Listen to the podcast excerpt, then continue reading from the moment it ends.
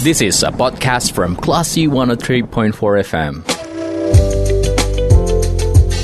Sumbar melawan Corona, persembahan Classy FM.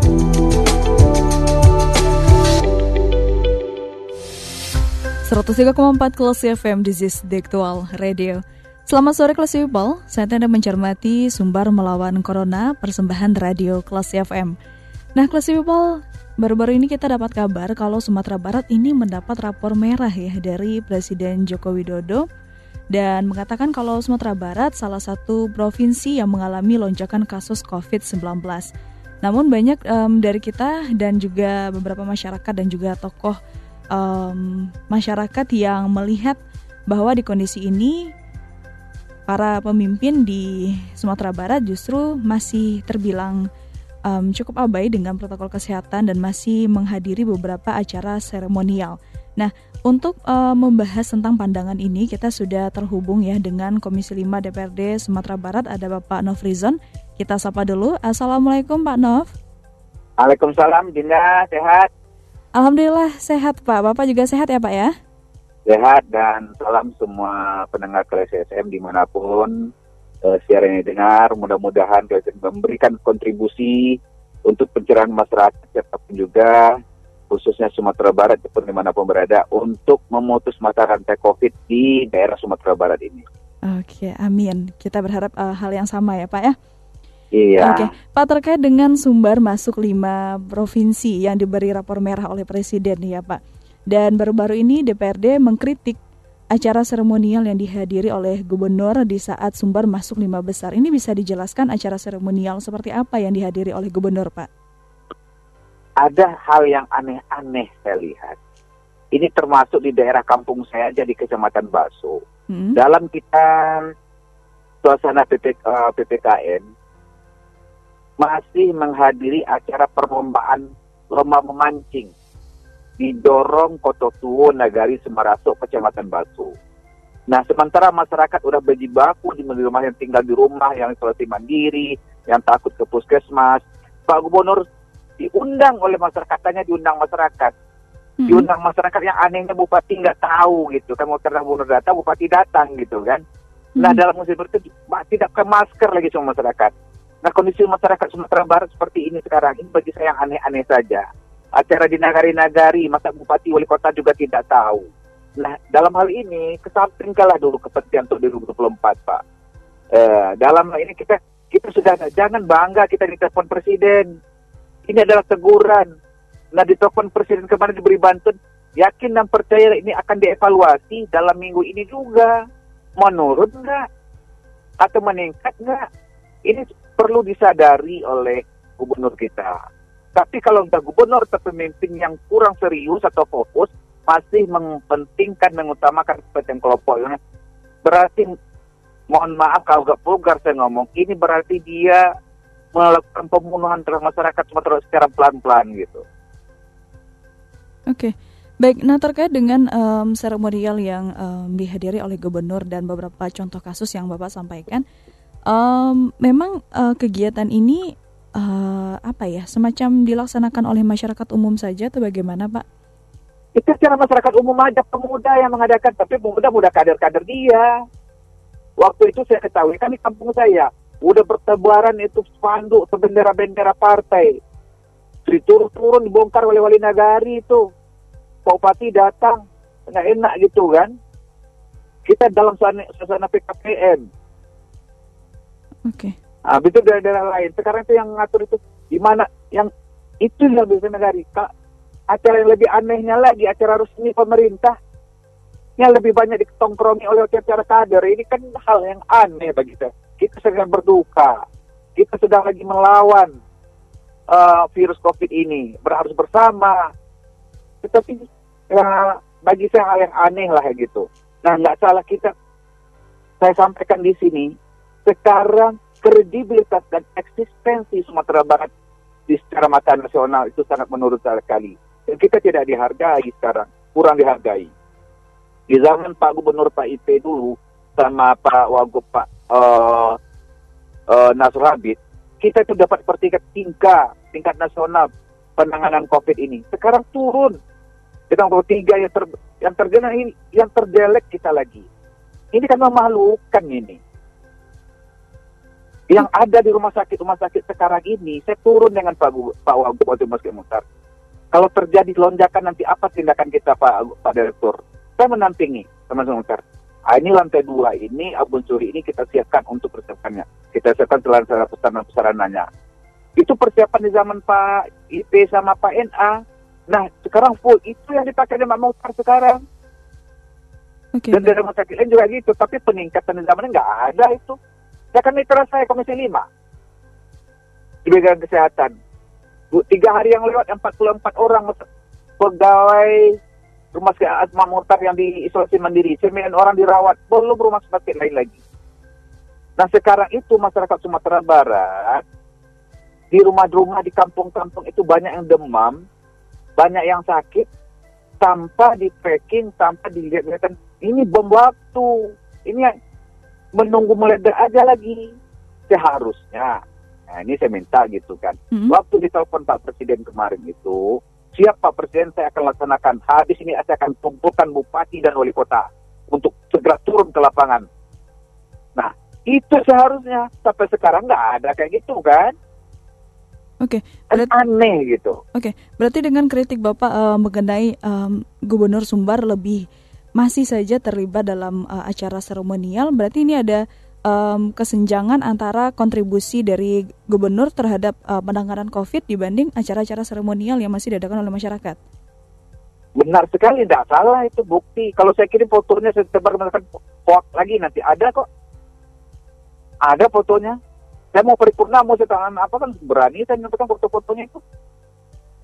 Em, Yang kalau dihadiri oleh Pak Muslim Yasin waktu itu, yang dari PKS juga yang anggota DPD DPD itu di kampung saya kok. Hmm. Baik, dan dari sepandangan Bapak dan juga anggota DPRD lainnya, em, seperti apa yang eh, kurang sigapnya eh, pemerintah di Sumbar dalam penanganan COVID dibandingkan eh, menghadiri kegiatan seremonial? Seharusnya kekurangannya itu pemerintah daerah selalu berpenasi. Pak Gubernur penasi dengan Bupati Wali Kota.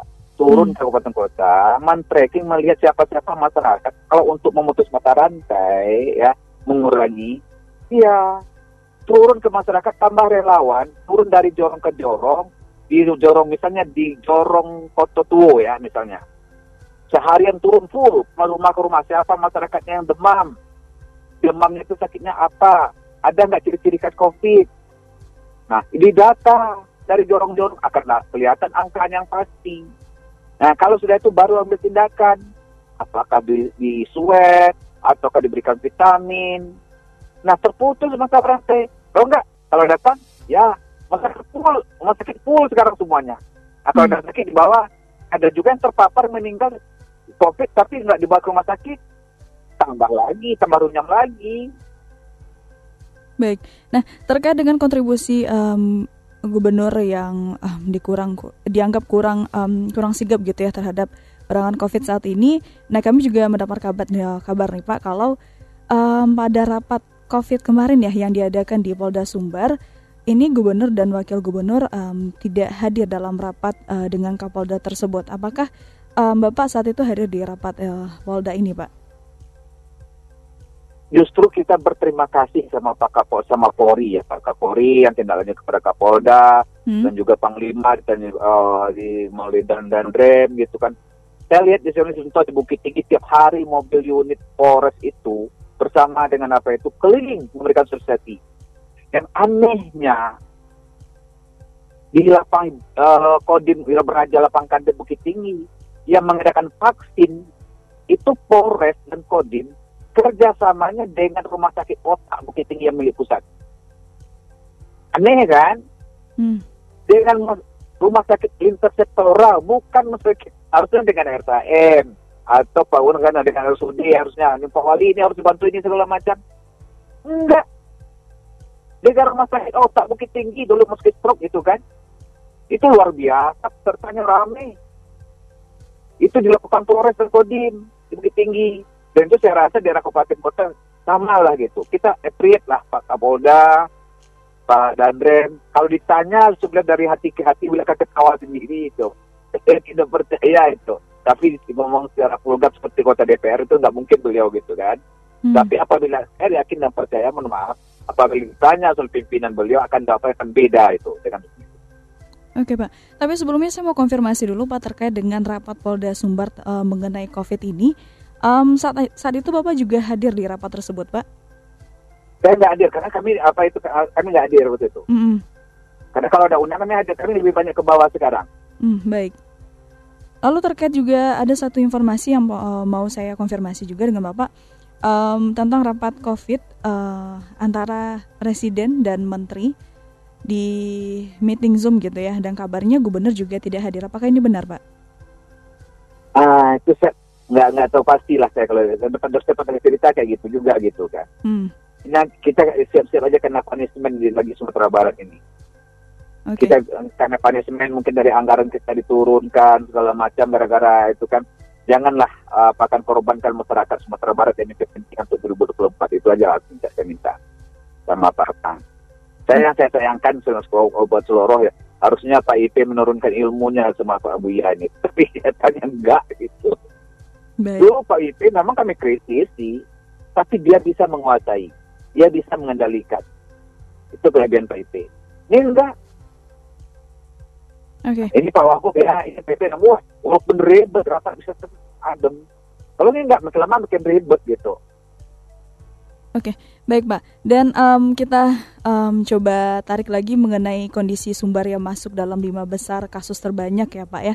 Um, mm-hmm. Dari sikap yang sudah diberikan Gubernur dalam menyikapi kondisi ini, um, bagaimana komentar Bapak um, memandang um, langkah-langkah yang sudah dipilih Gubernur sejauh ini? Eh, saya minta sama Pak Gubernur ya, marilah kita sama-sama bergandengan tangan dengan stakeholder yang ada di Sumatera Barat ini TNI, Polri, DPRD, ya kita satu arah satu ke depan. Bagaimana untuk memutus mata rantai, mengurangi apa ini lagi kasus-kasus uh, COVID ini. Ya, kalau turun-turun ke lapangan tuh jangan diembel-embel, jangan dibawa kader-kader lagi. Kita bareng betul-betul fokus untuk menangani masalah ini. Kalau tidak kasihan kita. Nah, yang dulu digembar-gemborkan untuk pembangunan ini segala macam, jangan itu malah makin turun. Nah, anggaran apa yang kita mau banggakan di Sumatera Barat? kita ketergantungan kita dari pusat itu sangat tinggi. Ya Umbo ya silakanlah Pak, marilah kita Pak Gunur, DPRD, sama-sama kita bantulah sama Pak Kapolda, sama Pak Dandrem, ya kita bersama bergandengan tangan. Sama-sama kita turun ke masyarakat, tapi buka Pak Gubernur itu sekarang bukan gubernurnya mana, gubernur Sumatera Barat sekarang lagi, gubernur masyarakat lagi, bukan gubernur partai lagi. Nah, kalau udah 2003 itu silakanlah lakukan. Ya dengar juga itu kepala UPD itu sudah dipanggil semuanya targetnya apa, apa programnya sudah sampai ke sana saya dengar itu. Tapi kami akan pelototi nanti dalam untuk pelaksanaan rapat mitra dengan program akan kami pelototi masalah itu nanti. Oke, okay. um, berarti bisa saya ambil poinnya adalah di sini um, kurangnya koordinasi ya Pak ya dalam menyikapi. Bukan kurangnya sih, kurang adanya niat. Oke okay, baik. Dan um, apa yang benar-benar secara spesifik langkah yang ingin uh, dari DPRD gitu ya menginginkan gubernur segera lakukan uh, di situasi seperti sekarang gitu pak? Iya ya itu kerjasama dengan kendalanya dengan bupati wali kota, ya kan? Bagaimana kita betul-betul memutus mata rantai, kasihan kita kita petugas-petugas kesehatan yang ada di sampai tingkat-tingkat bidan desa, puskesmas, jangankan mereka mereka sudah banyak terpapar, mereka banyak korban. Hmm. Mari kita sama-sama Kapan tambah relawan? Kita tracking, kita lihat rumah ke rumah. Gak makan waktu satu minggu selesai kok. Rapat, pakai bupati, kasih tahu siapkan dulu tim, turun dari rumah ke rumah, data semuanya. Itu yang saya minta. Oke. Okay. Gubernur itu kan perwakil pemerintah pusat yang ada di daerah. Dia bisa menanjil kepada bupati dan wali kota. Tapi sepanjang ini tidak akan dilaksanakan, tidak dilakukan, jangan diharap mata-mata rantai ini akan bisa terputus, maka ber, makin bertambah dia lagi. Saya rasa. Baik. Dan lakukan oleh Pak Gubernur itu. Mm -mm. Pak Bupati sama-sama turun kita cek kesiapan. Saya tanya di Sumatera Barat. Ya, sekarang sudah datang ditawarkan lagi pemerintah pusat kapal untuk isolasi di, di Padang kan? Mm. Hah? Ada nggak tempat isolasi mandiri di Sumatera Barat di kota-kota di seluruh Gubernur nih? Kalau nggak salah di Pasaman ada satu. Di lain nggak ada. Kalau zaman PIP dulu di BPSDM di Baso itu Oh, Pak Gubernur tuh langsung ke kementerian. Dipakai itu untuk isolasi mandiri. Sekarang mana? Anda nggak ada nggak deh? Misalnya di, di, di Solo, di apa itu isolasi mandiri segala macam. Kita siap dari kapusin anggaran di, di, di DPRD kok. Begitu juga kabupaten kota harus siap kayak gitu. Koordinasi ini yang kurang saya oleh Pak Gubernur. Baik. Dan um, mengenai sikap yang akan diambil atau langkah yang akan diambil oleh gubernur, pastinya nanti DPRD juga akan memantau ya Pak ya, bagaimana? Bukan, uh, kita bukan memantau, kita akan mengawasi, kontrol terus, kritisi terus, dan sampai kapan pun dikritis terus. Oke. Okay. Tadi maaf mah dari Jakarta, mudah-mudahan ini saya yakin dan percaya apa ini kita sudah dipantau dari berbagai elemen dari pusat nih. Apa pun sekarang akan sampai laporan itu pun saya yakin dan percaya itu apa namanya intelijen, bin segala macam bekerja me, me, me, Sumatera Barat sekarang ini. Yakin saya itu untuk COVID ini. Oke, kalau misalnya tidak uh, masih tidak terlihat uh, peningkatan upaya dari Gubernur Pak, apa yang akan dilakukan oleh DPRD Sumbar ke depan? Minta Nah, kalau DPRD ya kan seperti kita kritis itu, saya minta kepada uh, pemerintah pusat, kapan perlu Pak Presiden gitu, panggil itu Gubernur Sumatera Barat, kasih punishment itu, teguran keras lagi. Kasih surat teguran keras, Pak Mendagri segala macam, ya kan, ini kan ya di, di, di secara terang-terangan kita kayak gitu kan meng, mengurangi kredibilitas perantau malu sekarang di mana pun karena menjadi yang topik Sumatera Barat Sumatera Barat itu sebagai acuan sebagai contoh sekarang gimana? Malu saya dapat informasi, dapat telepon perantau memalukan. Toko-toko perantau, yang kita di perantau gara-gara yang ini. Oke, okay, baik. Dan um, ya bisa dibilang poinnya adalah DPRD Sumbar akan terus mengawasi dan mengkritisi ya Pak ya? Pasti, itu pasti. Dan apakah ada langkah yang lebih tegas nantinya jika kondisi tidak membaik Pak? Oh kita tidak membaik, kita kapan perlu kita interpelasi nanti, kita giring ke sana nanti. Hmm. Oke. Okay. Baik Pak.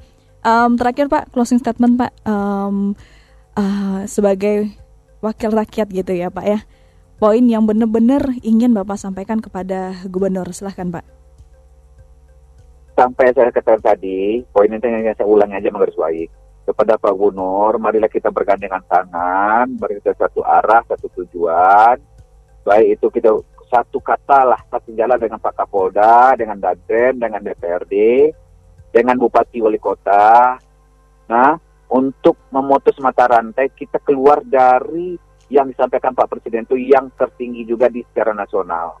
Sementara persentase kita tinggi ya gitu kan. Kalau penduduk kita seperti di Jawa, di Medan, di Palembang, mau apa Sumatera Barat ini? Kasihan kita. Nah, supaya kita perekonomian bisa, bisa berjalan lagi, bergerak lagi. Ya kan, kalau tidak tingkat kriminal akan timbul lagi perampokan, pencurian akan datang lagi misalnya lain lagi tambahlah ke kerja Pak polisi lagi habis ini marilah kita memutus mata rantai ini koordinasi dengan bupati wali kota kita siap turun di lapangan Pak dan okay. satu lagi mm-hmm. kita relawan-relawan itu kita terima kasih lah sama Pak Andani Laborunan yang telah begitu berjibaku tanpa dibayar gitu kan ya kita mau up beliau segala macam itu bersama ini Ah, dikatakan tidak ada mengenai proposal, ada mengenai proposal bulan November lagi. Nah, kita contoh relawan yang ada di rumah sakit umum uh, otak itu gajinya itu 7 juta. Sementara kita di Sumatera Barat yang terkecuali 3,9 juta. Mana coba perbandingan kita petugas-petugas kesehatan yang ada di di Bandung provinsi diketawain oleh rumah sakit-rumah sakit yang yang di bawah kabupaten kota. Dia langsung gitu. Ini mana masalah manajemen dan niat lagi ini ya saya, saya minta marilah kita sama-sama kita, kita ke samping lah kita kembali ke kilometer nol back to basic kita back to nature kita lagi mm -mm. ya, Oke. Okay. Nah, gitu kira-kira Dinda. Oke, okay. baik Pak. Semoga um, apa ya suara dari Bapak ini bisa semacam jadi reminder juga bagi pemangku kebijakan ya Pak ya, agar kirim, lebih lebih lebih masif lagi gitu ya. Ya. Oke, okay. baik Pak. Terima kasih sore ini sudah berbagi pandangan bersama kita Pak di Radio Kelas Oke, FM. terima kasih banyak Dinda. Semoga ini musibah ini coba cepat berlalu ya. Amin. Kita bisa perekonomian kita bisa berlanjut naik lagi, hmm. masyarakat kita bisa bebas keluar lagi, beraktivitas, berusaha, apalagi kasih anak-anak sekolah seperti ini sekarang. Sekarang kalau yang terpapar itu tidak tahu orang kaya, orang miskin, orang-orang hmm. berpendidikan, untuk banyak itu sekarang berkorban hilang lagi. mari kita berserah diri kepada Allah selagi berusaha. Hmm. Uh, jangan kita itu melakukan hal-hal yang kita kritisi. Uh, selama ini dari berbagai elemen, petugas kita lihat itu banyak ketika kita kesalahan lagi, kita kembali ke nol, kita bergandeng tangan lagi untuk akan datang. Baik, dan penting kita um, saling bekerja sama ya Pak, dan saling mengingatkan iya, pastinya. Iya, sama ya. Baik, terima kasih Bapak sudah meluangkan waktu di sore hari ini bersama kita. Selamat melanjutkan aktivitas Pak, sehat-sehat terus ya Pak. Terima kasih banyak kita ya. ya. Iya Pak. Ya, Assalamualaikum. Waalaikumsalam warahmatullahi wabarakatuh. Baiklah sih Upal, itu ya. Um, pandangan dan juga kritikan dari Komisi 5 DPRD Sumatera Barat Bapak Nofrizan terkait dengan um, langkah yang diambil oleh Gubernur Sumatera Barat dalam menghadapi kondisi sumber yang saat ini sudah mendapat rapor merah terhadap lonjakan kasus COVID-19. Kalau gitu saya Ditendira, kita ke program selanjutnya. Terima kasih. Anda sudah mencermati program Sumber Melawan Corona. Cermati podcast obrolan ini di www.classfm.co.id atau download aplikasi Classy FM.